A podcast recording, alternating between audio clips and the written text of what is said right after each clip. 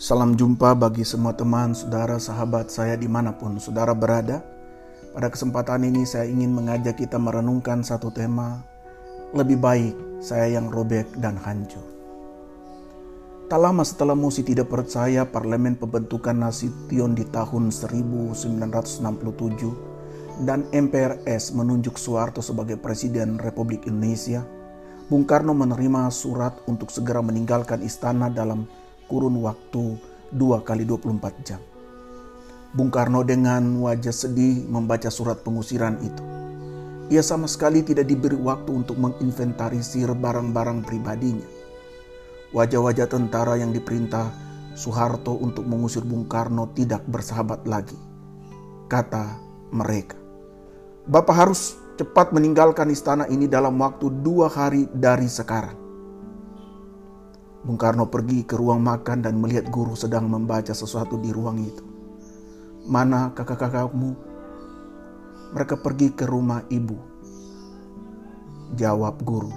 Rumah ibu yang dimaksud adalah rumah Fatmawati di Jalan Sriwijaya Kebayoran Baru. Bung Karno berkata lagi kepada guru. Mas guru, Bapak sudah tidak boleh tinggal di istana ini lagi kamu persiapkan barang-barangmu, jangan kamu ambil lukisan atau hal lain. Itu punya negara. Lalu ia pergi ke ruang depan dan mengumpulkan semua ajudannya yang setia. Beberapa ajudannya sudah tidak kelihatan. Ia maklum, ajudan itu sudah ditangkap karena diduga terlibat Gestapo. Aku sudah tidak boleh tinggal di istana ini lagi. Kalian jangan ambil apa pun Lukisan-lukisan itu, souvenir, dan macam-macam barang itu milik negara, kata Bung Karno. Semua ajudan menangis, Bung Karno mau pergi. Kenapa Bapak tidak melawan? Kenapa dari dulu Bapak tidak melawan? Salah satu ajudan hampir berteriak memprotes tindakan diam Bung Karno. Kalian tahu apa? Kalau saya melawan nanti perang saudara Perang saudara itu sulit. Jikalau perang dengan Belanda kita jelas hidungnya beda dengan hidung kita. Perang dengan bangsa sendiri tidak. Lebih baik saya yang robek dan hancur daripada bangsa saya harus perang saudara. Demikianlah kembali Bung Karno berujar. Bung Karno adalah sosok seorang pemimpin besar dan pahlawan besar bagi bangsa ini.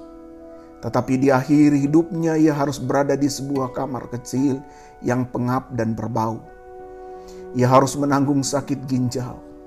Obat-obat yang selama ini diminum tidak lagi diberikan kepadanya. Ia rela berkata, lebih baik saya yang robek dan hancur daripada bangsa saya harus perang saudara. Bung Karno telah memilih membiarkan dirinya terpuruk demi kedamaian dan kebaikan sesama saudara sebangsanya. Oh saudara, jauh sebelum Bung Karno memiliki jiwa dan hati yang sejati seperti ini, Tuhan Allah kita yang kita muliakan di dalam Yesus Kristus sudah lebih dahulu bersabda, katanya dalam Matius 5 ayat 44. Kasihilah musuhmu dan berdoalah bagi mereka yang menganiaya kamu. Tuhan juga kembali bersabda lewat Paulus di dalam Roma 12 ayat 17. Janganlah membalas kejahatan dengan kejahatan.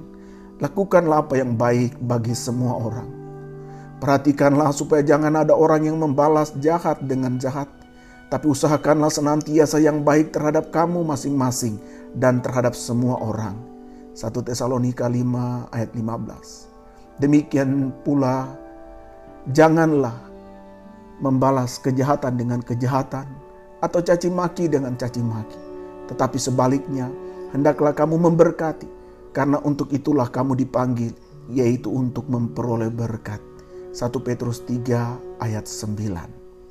Saudara-saudara, di atas semua itu, Tuhan Yesuslah yang membuktikan jiwa yang paling sejati itu terhadap seluruh kebencian, dendam, permusuhan, hinaan, ejekan kepada dirinya. Ketika ia dipakukan di kayu salib, tubuhnya berlumuran darah, peri, sakit, mahkota duri yang dipasang di kepalanya, mengucurkan darah membasahi seluruh tubuhnya. Berat badan tubuhnya mengikuti gravitasi bumi menarik tubuhnya yang tergantung hanya pada paku yang ditancapkan baik di tangan dan kakinya. Dalam derita itu, ia berseru dengan suara nyaring kepada bapaknya dengan kalimat yang agung. Ya Bapa, ampunilah mereka, sebab mereka tidak tahu apa yang mereka perbuat. Jiwa yang agung sejati dari Yesus itu, jiwa itulah yang harusnya menyala, terus berkobar, dalam jiwa kita bagi mereka sesama kita yang membenci dan memusuhi kita. Berbuatlah baik, berkatilah orang yang sedang membencimu. Tuhan pasti memberkatimu. Terpujilah Tuhan, kini kekal selama-lamanya. Amin.